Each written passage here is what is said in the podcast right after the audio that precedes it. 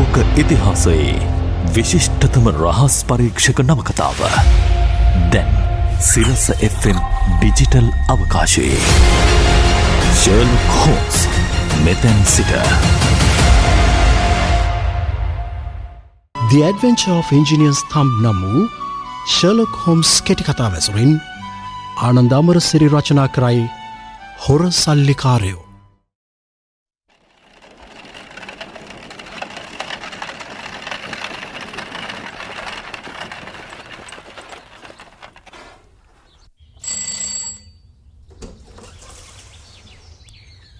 සුබ උදෑසනක් හෝම්ස්. මේ තරං උදෙන් ඇවිත් ඔබට කරදර කිරීම ගැන අපට සමාවෙන්න ඕනි. සුබ උදෑසනක් වොටසන්. කසාද බැඳල මෙහෙන් ගියාට පස්සේ වොටසන් අප එක් කලා තිබුණු සම්බන්ධකම් ටිකක් අඩු කලා වගේ නේද. අපොයි නෑ හෝම්ස් ඉඩ ලැබුණු හැම වෙලාවකම මම හෝම්ස් බලන්නාවනි. අද මම ආවේ බොහෝම වැදගත් කාරණයකට.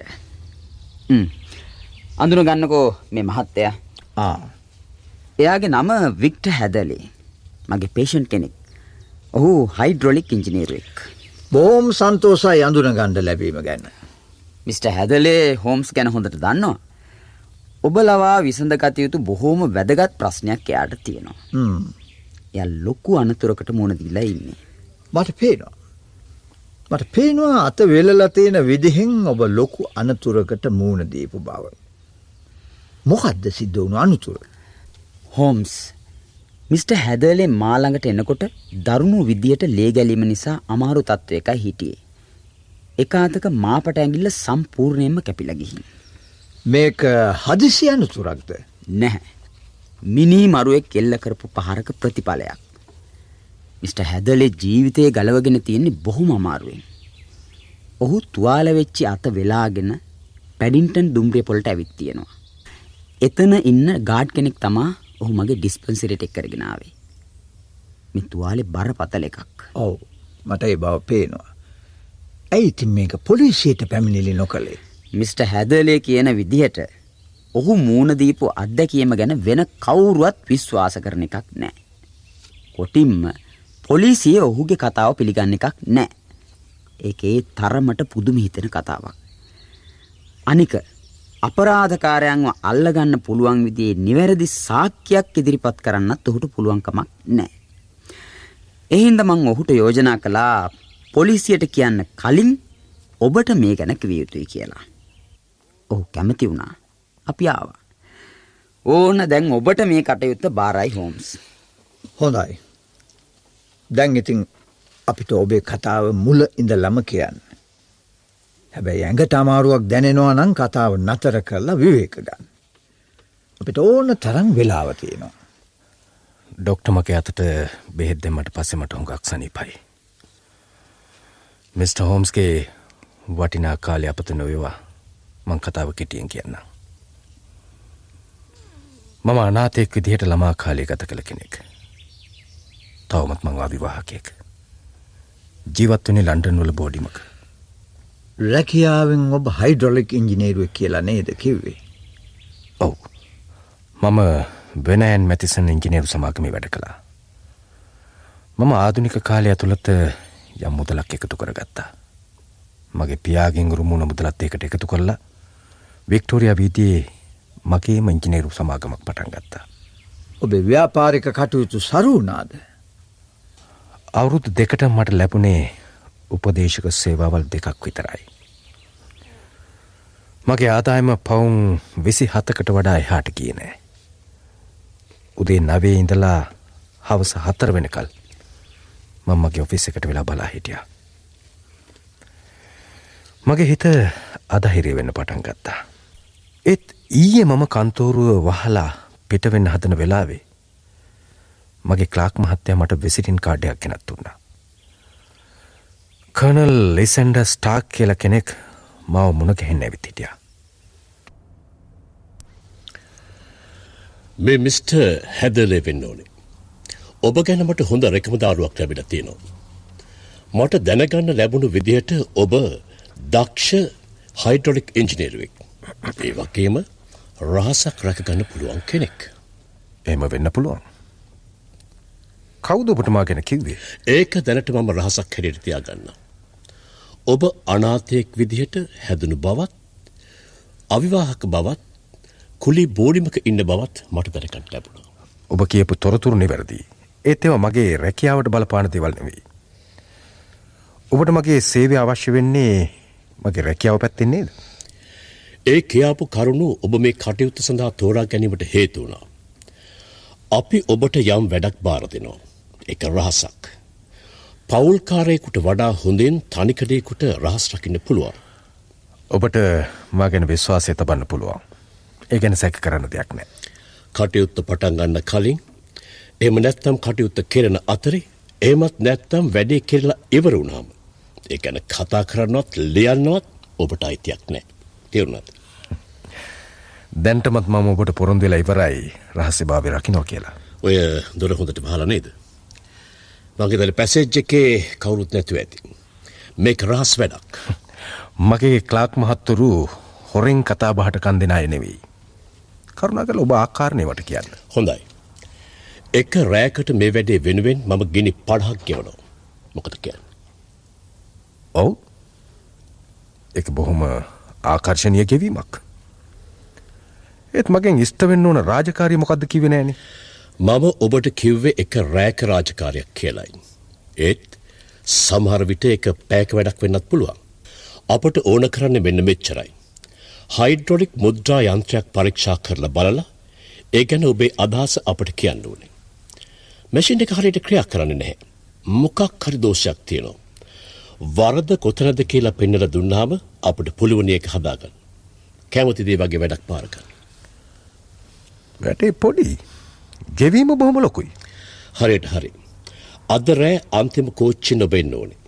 කොහටද. බර්ක්ෂවල තියෙන අයිෆෝඩ් ගමට. රේඩිං වල ඉඳලා හැතැක් මහතයි. පැඩිංටන් වලින් කෝච්චෙන් නැග්ගොත් රෑ එකොළයි පහලෝ වෙනකොට ඔබට එහට එන්න පුළුවනි. මම අශ්වකරත්වයක් කරගෙන ඔබ මුණ ගැහෙන් එන්න. එතකොට කෝච්චිම් බැහැලා තවත් දුරයන්ට තිනවා ඔවු. අයිෆෝඩ් දුම්රිය පොලේ ඉඳලා හැතැම්ම හතක් විතර යන්න තියෙනවා. එකන්නේ මට එදා රෑම පහුවෙන ලැබෙන නෑගෙන එකයි. මට රෑ එහි නතරවෙන් වේවි. අපි ඔබට බොහොම සුළුවෙන් හරි රාත්‍රය ගත කරන පහසුකම් සලසත් දෙන්න. මීට වඩ පහසු වෙලාවක් යොදාගන්න අපට බැරිත. බෑ. ඒක කරන්න බෑ. ඔබ මේ වැඩේට අකමැතිනම් අපි මේ කත්තරලදාම්. ඉතින් මිට. හෝම්ස් මං වෙලාව වෙනස් කරමු කිව්වම කනල් ස්ටාක් වැඩේ අල්ල දාලා යන්න හැතුවා. ඒත් ඔබේ මුදල් තත්ත්වය මේ අවස්ථාවදී වැදගත් වුණා. එම නේද. ඔව්. මගේ ආදායම ගැන හිතුවහම ඒක අහකදාන්න පුළුවන් වැඩක් නෙවෙයි. එහින්දා ඒ කියපු වෙලාවට කියපු ස්ථානට යන්න මං කැමති වුණා. ඔබ ඔබට පැවරුණු වැඩේ ගැන වැඩිමනත් කරුණු විපරං කල්ල බැලුව නැද්ද. ඇයි නැත්තේ.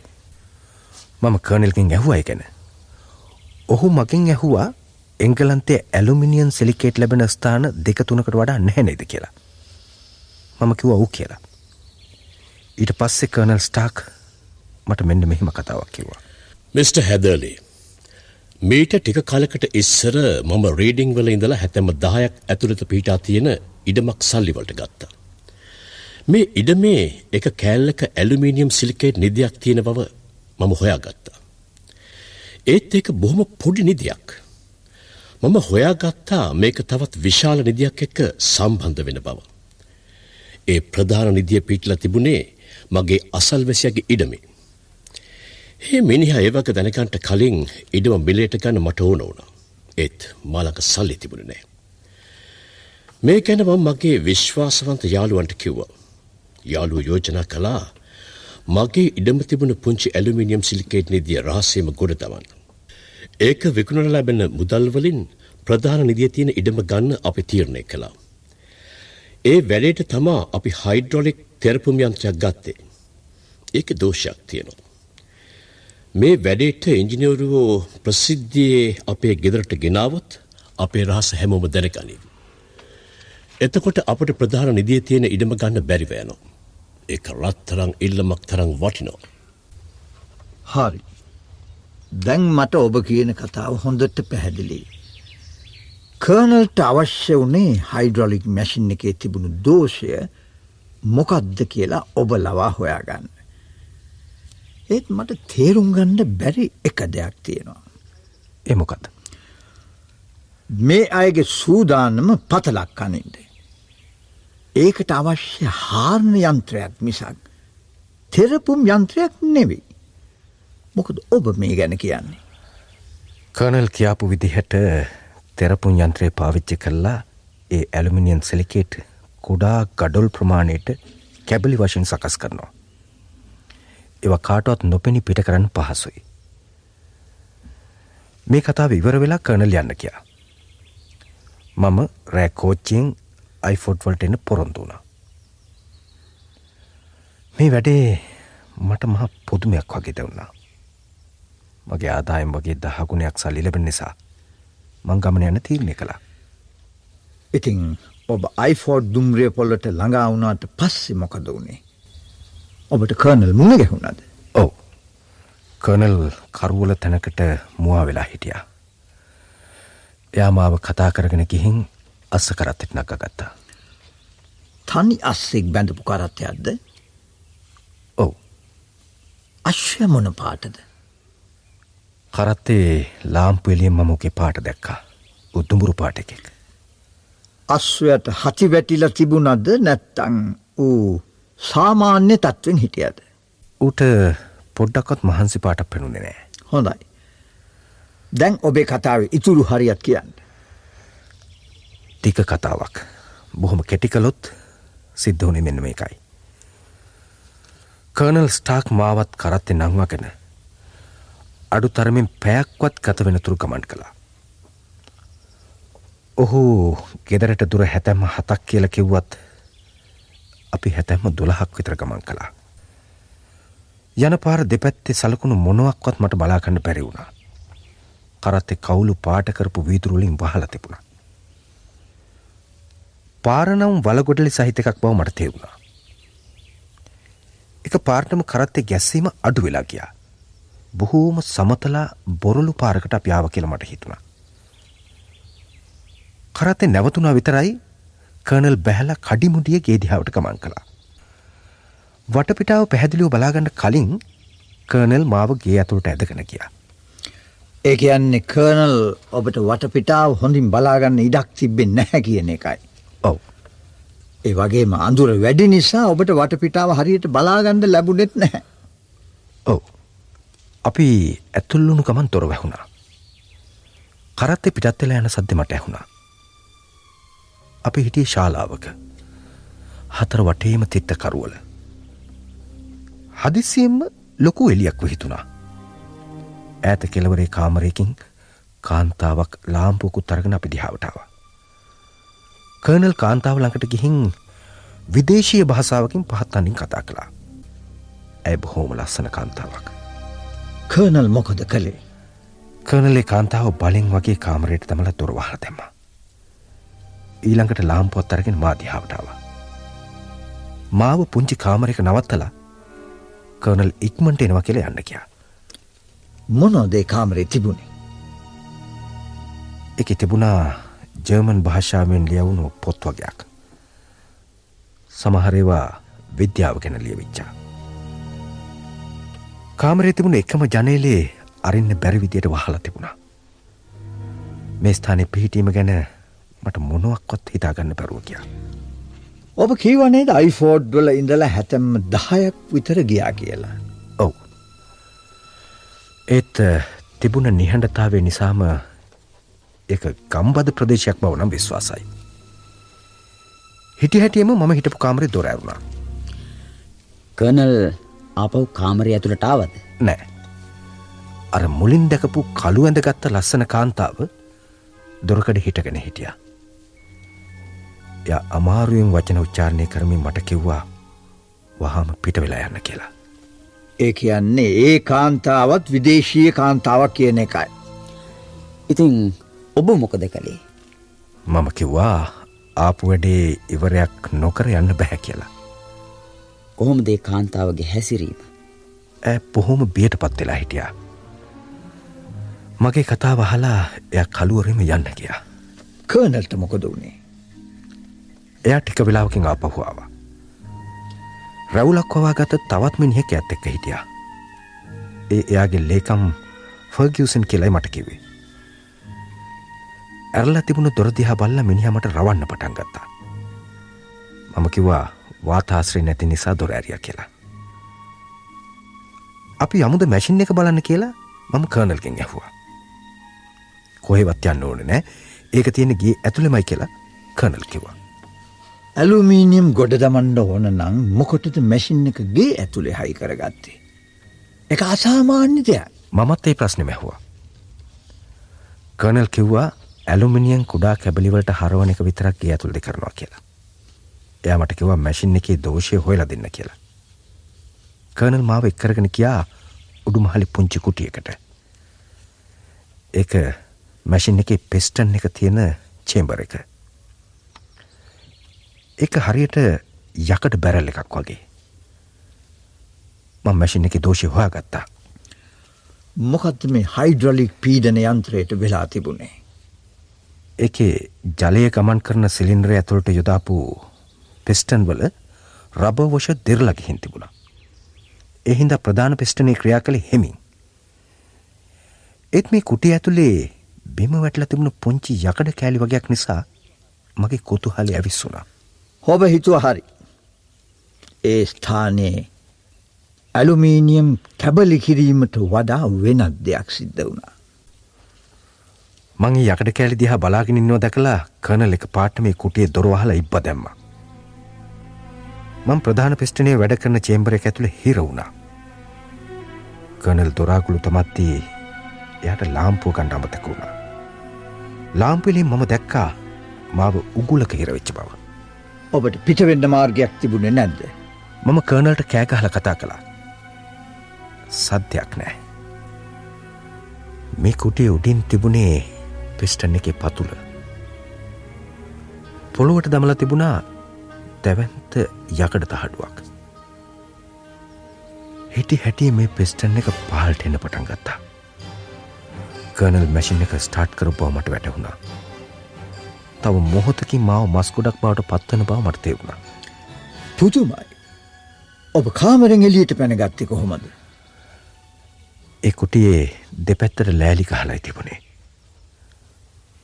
මම දැක්ක ලෑලි දෙකක් අතර පුංචි එලියක්. ඒ ලෑල්ල පුරුල් වෙලා බව මට තේරුණා.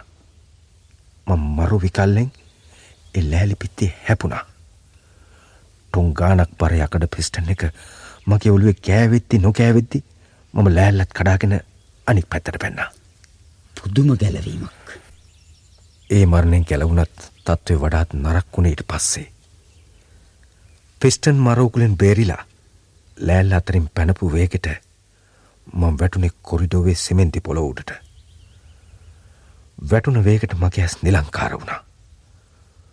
මට දැන්නා අර කාන්තාව මාව නැකිට්ටුවන්ට උත්සාහ කරන බව. ඇ මාව උඩුමාලයගේ කාමරයට ඇදගෙන ගියා. කාමරේ තිබුණ චනේලි තැරලා එය මට කිව්වා එතනින් පැනලගෙහින් ජීවිතය බේරගන්න කියලා. ඉතින් ඔබ මොකද කළේ. මට ඇහුණා කර්නල් මගේ පස්සෙන් එලවගෙන එන්න සද්දේ. මට පය හිතුන එක පාටම ජනලින් පනින්න. මම ජනෙල් පටි අල්ලගෙන පහලට රූටල ගියා. ඒ එක්කම කාමරයට ඇතුළුණු කර්නල්ලු වලක්වන්න ඒකාන්තාව උත්සාහ කරන හඬ මට ඇහුණා. ඇව පැත්තකට තල්ලු කරගෙන කනල් ජනෙල් ළඟට ඇවිත් අතේ තිබුණ දැවන්ත පොරව මගේ අත උඩට එල්ල කළා. මට තිවුණු වේදනාවක්ත වුණා. එච්චරයි. මව පහලට ඇද වැටුණා. ඊට පස්ස සිද්ධ වෙච්ච දේවල් ගැන මට හිතාගණ්ඩ පුළුවනි. ඒත් ඔබේ වචනවලින්ම ඒ ටිකත් අහගණ්ඩ මම කැමති. මට මතකයි මම නැකෙටලට එකක් තුර දෙව්වා. එත් අතේ මාපට ඇගිල නැතිවක දැක්කාම මගේ ඇඟ සීතල වුණා. එක පාර්ට මට සිහි නැතුව කියා. සිහි ඇවිත් පලද්දී මම දැක්කා මං පාරද්දර වැටිලා ඉන්න බබ. එතකොට යාන්තමට ඉරපායලා තිබුණා. මම වටපිට බලද්දී දුම්රිය පොළ දැක්කා. මට හිතාගන්න බැරි වුණා එතෙන්ට ආවේ කොහොමද කියලා. ඔබ දුම්රිය පොලට ගිහින් ආපහු පැඩින්ටන් වලට ආවා. ඊට පස්සේ ගාඩ් ඔබව වොට්සන් ළඟට එක් කරගෙන ගිය. ඔව් එහෙම තම සිද්ධකුණේ. හෙත් මට හිතාගන්න බැරි පාර අත්තරට මාව ගෙනත් දැම්ම කවුද කියලයි. අපිට ඒ කාරණය දැනගණ්ඩ ලැබේවි. වොටසන් මෙන්න මේ පොතේ අලුවල තියෙන පේප කටින් එක බලන්න. ඔබ දන්නවන්නේ මම ඒවා එකතු කරන බව දෙන්න බලන්න ආ මෙතින්. මේක නේද ජෙරමියා හේලින් මහතා නවවන දින සිට අතුරු දහංව ඇත. වයස අවුරුදු විස්සකි. වෘතියෙන් හයිඩ්‍රොලික් ඉංජිනේරුවකි. රෑ දහයට පමණ නවාතැනින් පිටව ගොස් ඇත. අන්තිම වතාවට ඔය කියන කර්නල් ස්ටාක් තමන්ගේ මැෂින් එක අලුත් වැඩියා කරපු අවස්ථාව මොකද්ද කියන එක අපිට ඔය දැන්වීමෙන් වටහා ගන්න පුළුවන්. මේ කර්නල් බොහෝම දරුණු පුද්ගලෙක්. තමන්ගේ අරමුණ ඉටු කරගන්න ඕ නෑම දෙයක් කරන කෙනෙක්. දැන් කරන්න තියෙන මේකයි. අපි ස්කොට්ලන්ඩ් යාඩ් එකේ ඉන්ස්පෙක්ට බ්‍රස් ස්ට්‍රීට්වත් අඳගහගෙන. වහාම අයිෆෝඩ් වලට යම්.